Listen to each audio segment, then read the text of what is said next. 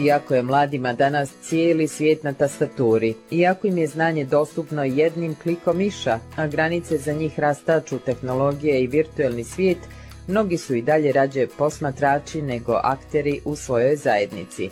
No, mladi ljudi sa kojima ćemo vas upoznati posmatraju svijet drugačije, očima onih koji ga žele oblikovati i činiti boljim.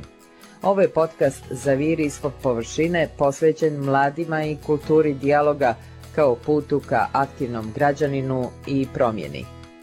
Anastasija, Teodora, Marija, Marko, Danilo i Mario učenici su trećeg i četvrtog razreda srednje škole Danilo Kiš u Budvi.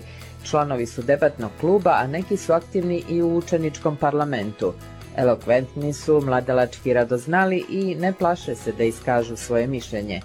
Zanimao nas je najprije njihov stav o tome postoji li kultura dijaloga u našem javnom prostoru.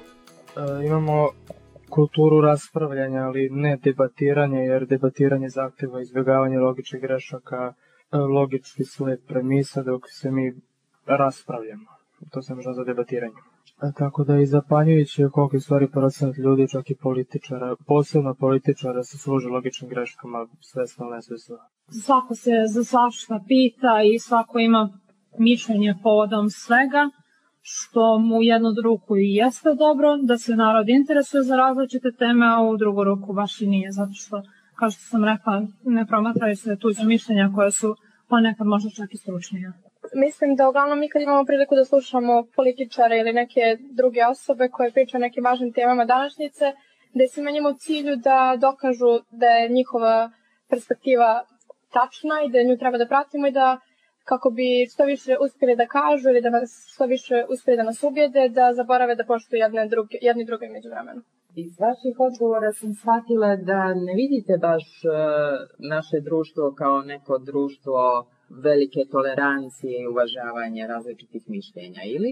Debata kao debata je svakako prisutna u mnogim sferama u našoj zemlji i stalno se potencira, ali ta kultura debate izostaje i to što um, ste rekli, svi se trude da pokažu svoje mišljenje ili svoje stavove kao ispravne i tu nema druge opcije. To je ili nije to. Tako da e, se svi trude samo da izguraju svoje bez obzira na mogućnosti tačnosti zapravo ovo, ove druge strane. Istraživanje UNDP-a je pokazalo da su podjele sve prisutniji problem među mladima, naročito na političkoj osnovi, što vodi porastu govora mržnje i netoleranciji, a uočljiva je velika mobilizacija mladih u političke partije, koje često kao organizacije ne njeguju dijalog i toleranciju. Evo kako naši mladi debateri vide političare i one koji donose odluke. Prije svega politika je generalno svuda dosta prožeta u svakodnevnom životu, pogotovo u našoj državi gdje vi bilo gdje da sednete u kafiću čućete kako sva, svi ljudi, nebitno koji je uzrast, razgovaraju o politici i polemišu ono što bih ja voljela, kako bih ja voljela zapravo sutra da izgleda naša država, jeste da po meni političari ti donosioci odluka imaju previše teorije, a manje prakse, da to nije dobar balans. I po meni bi trebalo više da se radi na tim praktičnim stvarima, na poboljšanju u stvarnom životu, da je to poboljšanje opipljivo više nego što je to poboljšanje, da tako kažem, svedeno samo na rečenice i na govore, a, tako da ukoliko bi se možda samo ta energija koja je utrošena na govorenje potrošila na neke, da tako kažem, konkretne postupke, možda bi nam je bilo bolje. Uh, ja smatram da je trenutno, zapravo trenutni problem koji se dešava to da političari i ljudi na pozicijama gledaju konkretno isključivo svoj interes. Dakle, zaboravljaju da moraju da gledaju interes građana, odnosno nas koji, koji smo njih doveli do tih pozicija, Dakle, da što više treba se čuje glas prvo mladih, a posle svih, naravno, građana, da se čuje njihove potrebe i da se e, njihove potrebe na neki način usliše. Tako da kažem ovaj, da se manje isključe te sfere ličnog interesa kroz e, partije, kroz svu politiku koja je prožeta apsolutno u svim sferama života, kod nas pogotovo. Pa ja najprej vidim da se prožima to da su političari donosioci odluka. Ja bih počeo od toga da je narod glavni donosioc odluka i da mi biramo političare, mi biramo ko će nas predstavljati u svijetu i ko će donositi te odluke. Dakle, ukoliko budemo kritički razmišljali, ukoliko ne budemo omešali mozgove koji klimaju glavom na ono što neko drugi kaže, mislim da ćemo živjeti u mnogo lepšem svijetu. E, mišljenja sam da prethodno navedeni problemi kao to da političar gledi samo svoj interes ne može se promeniti time što se meniti političar, već osnovni problem generalno balkanskih država da ne postoji sistem. A šta po tim mislim da, da će, na primer, na primer uh, u Americi smenjuju se stalno demokrate, republikanci, demokrate, republikanci, a zadnjih 70 godina se spoljna politika i generalna politika Amerike ne menja. Jer postoji, jer postoji sistem koji ograničava političare u kom kako smeju da se ponašaju. Tako da, ako bi postojao sistem, ne mogu da neko dođe na vlast samo da bi se obogatili zbog ličnog interesa. A ljudi su takvi da uvek gledaju na lični interes. Pa u apsolutno svakim mogućim okolnostima u svakoj državi političar gleda na svoj interes, ali mu sistem ne dozvoljava da prevagne gledanje na lični interes u odnosu na gledanje opšteg interesa društva. Tako da mislim da ne možemo promeniti ništa po pitanju političara, da se mora, da se mora napriti radikalna suštinska promena u sistemu države, a nisam siguran da li je kod nas to moguće. Tako da je rešenje da se beži s ovih prostora ako će. I kad se ode na druge prostore, da se ignorišu očigledne probleme ako će da se lepo živi. Gdje bi ti pobjegao i koji je to prostor gdje je idealno pobjeći? Ovako, tri glavne komponente da lepo izgleda mesto da bi živeo, da me dobro plaćaju i da su ljudi prijatni. I gdje je to? Se, sve je, na trenutno, dopada mi se srednja Evropa, recimo Austrija, Češka, to mi je lepo trenutno. E, ja mislim da je veliki dio e, te naše politike isto to što recimo ljudi koji su završili fakultete, doktori nauka i tako to se ne čuje dovoljno, s obzirom i ne sluša se ni malo, jer kod nas vlada taj neki sistem da onaj koji više urla i koji je glasniji dobije više pažnje, onaj koji je završio 8 godina fakulteta da postane e, doktor političkih nauka ili slično, ili bilo koje druge teme koje je vezane za tu za ono što je sada aktualno, aktualno da se on u stvari nimalo ne sluša i to je veliki problem, moramo da se više krenemo prema stručnicima. Ja ću se nadovezati na dio o kojem je Marko pričao, da smo mi građani ti koji biraju vlast i mi zapravo donesemo te odluke i mislim da je najvažnije da se građani ne e, boje, odnosno ne plaše da promijene nešto što nije, što smatraju da ne valja. Mislim da se većina građana boji da ako sad ne valja može biti još gore, ja mislim da se treba razmišljati suprotno, da postoji mogućnost da bude bolje, zašto ne probati? Samim tim kad se dešavaju promjene, lakše je mijenjati stvari, nego kad imamo nešto što stoji konstantno i teže ga je samim tim i promijeniti, kad su ljudi već navikli na to. A još nešto, mislim da se građani suštinski ne pitaju ništa, da je to čista iluzija. Da se građanin pita za išta, da jeste da živimo u demokratskom sistemu, ali to demokratsko je samo na papiru, iz čega mogu bi da nastavim da kažem da se naproti iskustva da je to moguće promeniti i da li uopšte to treba menjati, jer kako je Sokrat rekao, na primjer, na brodu, da li bi više volili da kapetan bude neko iz grupe mornara ili iz grupe trgovaca koji se trenutno nađe na tom brodu? Ja mislim da se građani upravo dijele na one koji žele da pobegnu i na one koji žele da odlučuju i da spase svoju državu. Dakle, oni koji žele da spase svoju državu i koji žele da promijene nešto, oni su donosioci promjena, oni su donosioci odluka, a oni koji žele da pobjegnu jednostavno, očigledno im nije mjesto tu gdje se treba boriti. A što je sa virtualnim svijetom u kojem mnogi i odrasli i mladi danas žive svoje paralelne živote? Da li su eho sobe nadglasale dijalog? Mm, pogotovo na internetu je trenutno popularno da se razmenjuju mišljenja, o različitim stvarima. To može negdje da ima i negativne posljedice zbog toga što se previše iskazuju mišljenje o nekim stvarima koje su privatne, ali svakako da mislim da mladi danas dosta iskazuju svoje mišljenje u svim sferama života. Pa ja upravo zbog anonimnosti drugih ne volim da ulazim na rasprave, u rasprave na internetu. Također, često možemo primetiti govor mržnje na različitim, na različitim internet platformama i to je ono što, što mene, što mene izrazito nervira, tako da ja bježim od tih od tih virtualnih debata i više volim da se nekim suočujem uživo. Pa, iako nema fizičkog prisustva suprotne osobe, tu dobijemo ljude koji su sa različitih sfera života i sa različitih država, tako da samim tim mnogo više različitih mišljenja. Sem toga, takođe zbog tog manjka fizičkog prisustva, mislim da ima i manje, da kažemo, direktnih napada, vređanja i tog slično, tako da na internetu definitivno može čovjek i da debatira to sasvim fino. Uh, okrenut ću se samo prema društvenim mrežama, možda koje su danas najpopularnije, najviše korištene od strane mladih, ali i od starih, na primjer Twitter, Instagram, TikTok i druge društvene mreže, možemo primetiti da tamo ljudi baš ne poštuju jedne druge i upravo zbog toga što imaju taj anoniman, anoniman pristup, imaju priliku da iznesu svoje mišljenje bez ikakvih posledica. Da kažu šta god žele i da ne snose nikakve posledice za to.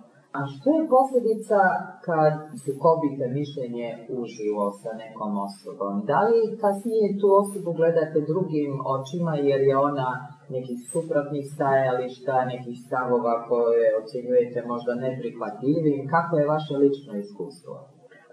ja mislim da ako dođe do sučeljavanja zapravo mišljenja gdje su mišljenja totalno suprotna, da to mišljenje koje nije mišljenje većine može da dođe do zapravo neke vrste osude od strane društva, da ta osoba može da bude gledana na neki drugi način. Dakle, iako je to njeno mišljenje možda ispravno i tačno, drugi se ne slažu sa tim i mogu da izvrnu ili rudu ili da je apsolutno osude.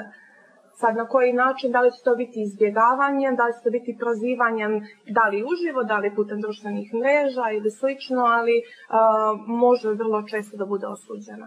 Da li je možda to razlog što mnogi idu onda linijom manjeg otpora pa i ne iznose zapravo svoje pravo mišljenje? Ja mislim da je jedan od razloga zbog koje ljudi ne iznose do kraja svoje mišljenje zbog toga što smatraju da neće napraviti nikakvu veliku promjenu.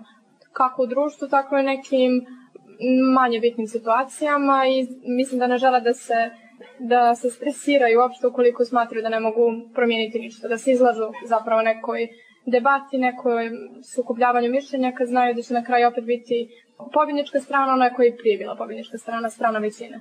A, da, ja bih samo htjela da dodam na ovo kako da pravimo promjene ako ne iskažemo svoje mišljenje. Ja mislim da se da je ljudima potrebna podrška, a u nas milion uvijek će postati taj jedan koji je dovoljno hrabar da iskaže svoje mišljenje. A ako neko krene naprijed, će sljedbenike. Tako da, ako je jedan dovoljno hrabar, drugi će ga pratiti i uh, podržavati ako misle da je to što on misli ispravno. Debata razvija kritičko mišljenje i sagledavanje problema iz različitih uglova. Zato ove mlade debatere pitamo jesu li nekada promijenili svoje mišljenje pod utiskom suparničkih argumenata. Pa svakako da jesam jer mladi pogotovo bez neke lažne skrobnosti grupica koja je trenutno ovdje nekako razmišlja šire, širi su nam jednostavno pogledi i logično je da će pored svog mišljenja saslušati još nečije da bi se uvjerila da li sam u pravu ili nisam. A, na primjer, pošto se mi bavimo debatom i prošle godine smo u okviru mistionice imali jednu temu koja je recimo bila, za, bila vezana za diskriminaciju žena u Crnoj Gori sada ja sam bila svesna recimo da žene realno jesu diskriminisane, ali opet moja slika nije bila toliko jasna s obzirom da, na primjer, na svom ličnom primjeru ili na primjeru žena u mom okruženju, ja nisam mogla da imam takvo mišljenje. Pa recimo tu, su, tu mi se da tako kažem pogled na sve promijenio ili kada je u pitanju porodično nasilje i jednostavno naš e, zakon, naši zakoni e, za koje generalno sam mislila da možda i jesu ok, pretpostavljala sam da ne bi bilo nekih absurdni, absurda kada su u pitanju kazne, međutim svakako da ih ima jako puno i mislim da ukoliko budemo imali pravnika među nama da to treba da se mijenja. A evo i kako zvuči debata za koju naši sagovornici koriste Karl Popper metodu, u čijem je fokusu pitanje zašto, a ne kako. Ovo je dijelić debata o tome da treba postrožiti kazne za porodično nasilje. Na samom početku ću predstaviti trenutnu sliku koja vlada u Crnoj Gori. Prisutan je ogroman broj slučajeva porodičnog nasilja. Uvaženi oponenti, svjesni smo da je brak u krizi, da je porodica u krizi, da desetni element samo vodi dalje unazad. Dakle, zbog toga i iz tog razloga naš prvi argument i cilj ka kome težimo je nulta tolerancija na porodično nasilje odmah. Poštovani oponenti, Istakao bih da se mi zalažemo da uvođenje strozih kasnih ne rešava problem porodičnog nasilja, već da je rešenje primjena postojećih zakona i kaznenih sistema i uvođenje posebnih tretmana resocijalizacije pojedinca. Naša argumentacijska linija sastoji se od sledećih argumenta. Pod jedan, postojeći zakon i njihova primjena, pod dva, brzo reagovanje institucije i njihova povezanost, i po tri, liječenje, savjetovanje i resocijalizacija. Nasilnicima ne pomaže kazna, već psiholog. E, Što se tiče argumenta kojem ću ja pričati, e, on glasi stabilnost porodice nije privatna stvar, nego državni imperativ. Koliko smo samo puta čuli narodu da se kaže ja sam im dao život, ja ću ga uzeti, ovo je moja porodica i moja stvar. Međutim, ukoliko pričamo o tome da je, bil, da je dijete ili bilo koji drugi član porodice u toj porodici zlostavljan, to ni na jedan način, ni na koji način ne može biti stvar porodice, već stvar i obaveza države i društva.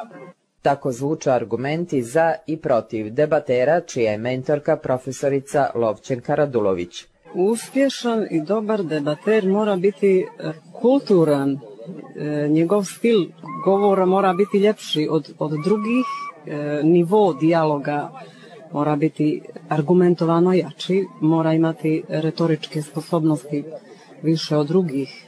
Debata podstiče proces sazrijevanja ličnosti, razvija kod učenika sposobnost da kritički misle, ono što se primjećuje kod njih jeste da oni kroz debatu stiču samopouzdanje i sigurnost u javnom nastupu. E, debata im pomaže u razvijanju sposobnosti i spremnosti da se čuje i se sluša drugačije mišljenje. Ponekad debata razvija i osobinu samokritičnosti, čak i preispitivanje vlastitih objeđenja. O tim promjenama mladi iz sobstvenog ugla Možda najteže bilo na početku samo da svako shvati u stvari koliko je sposoban za taj predmet, se imaju neku viziju da je to sada nešto wow, grandiosno, da to mogu samo top 1% ljudi i ne shvataju koliko su oni sami pametni koliko u stvari mogu da, da se pri, priključu time. Što je razlog što sam se priključio debati je javno govorenje, to je priključio sam se da bi sebe da u nepredne situacije, to je izlazak iz zone komfora.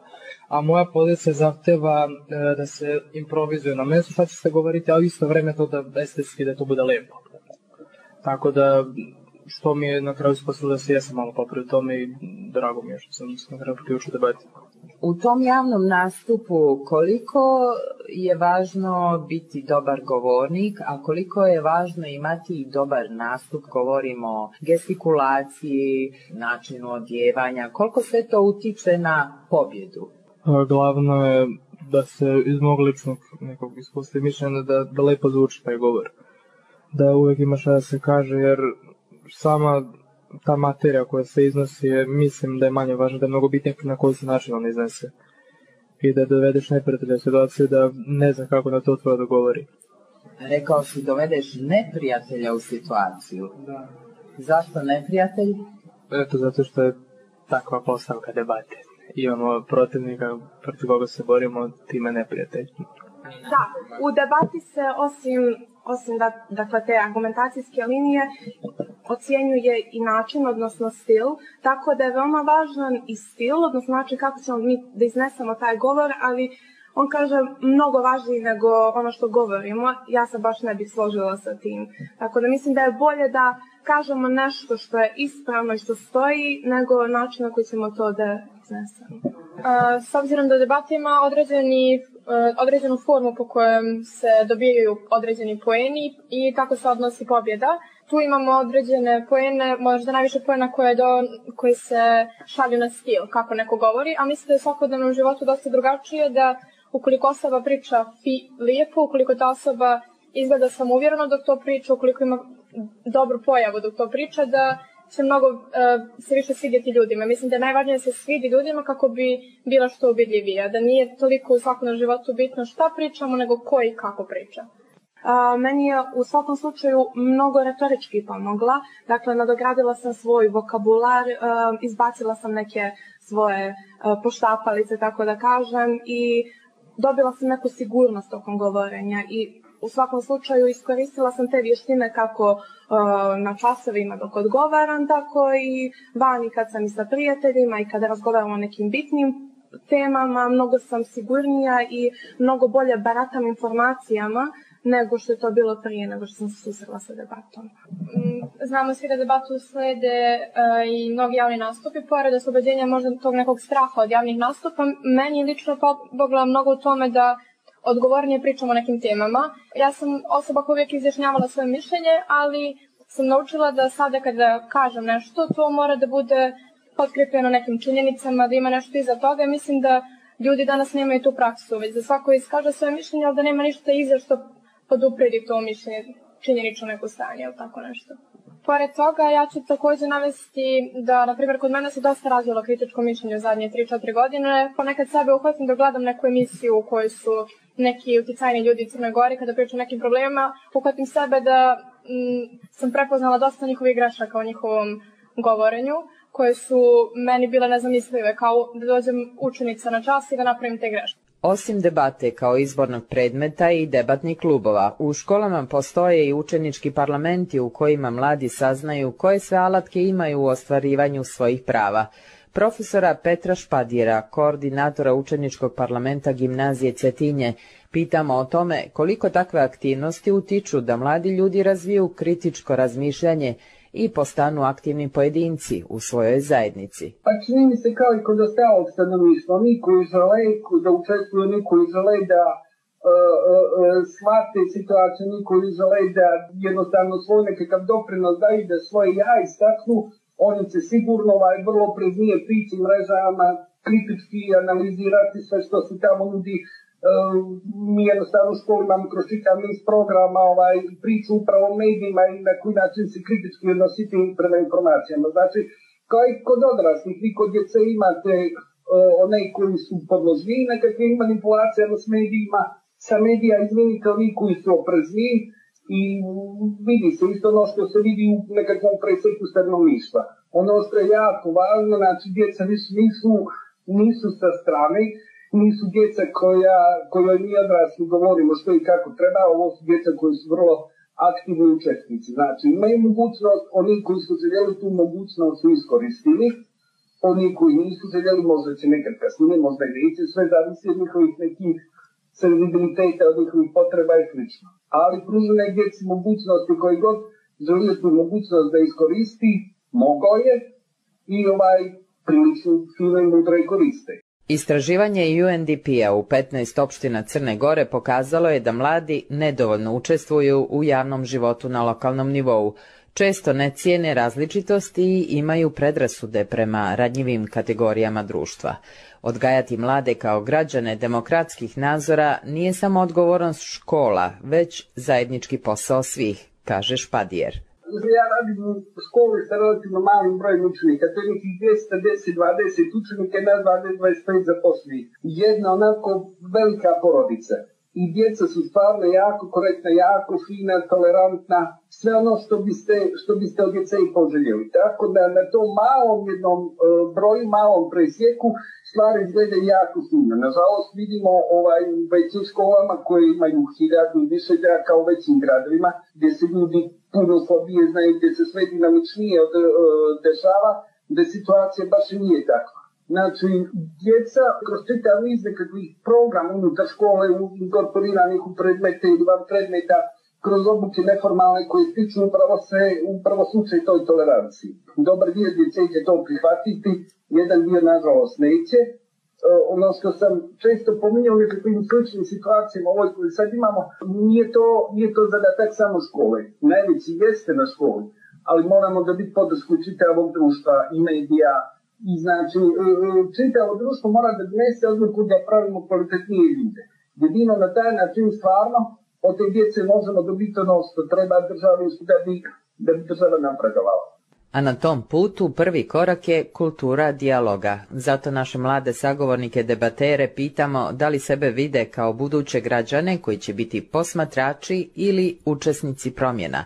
Ja bih se jako razočarala ako sutra budem jako statična, jer ako me trenutno nerviraju ljudi koji imaju nešto, imaju neku želju za promjenama, a ne rade ništa povodom toga, kako bih onda sebe mogla posmatrati sutra, tako da mislim i nadam se da u tom pogledu neću biti toliko statična i da ću imati tu hrabrost da pokrenem neke promjene.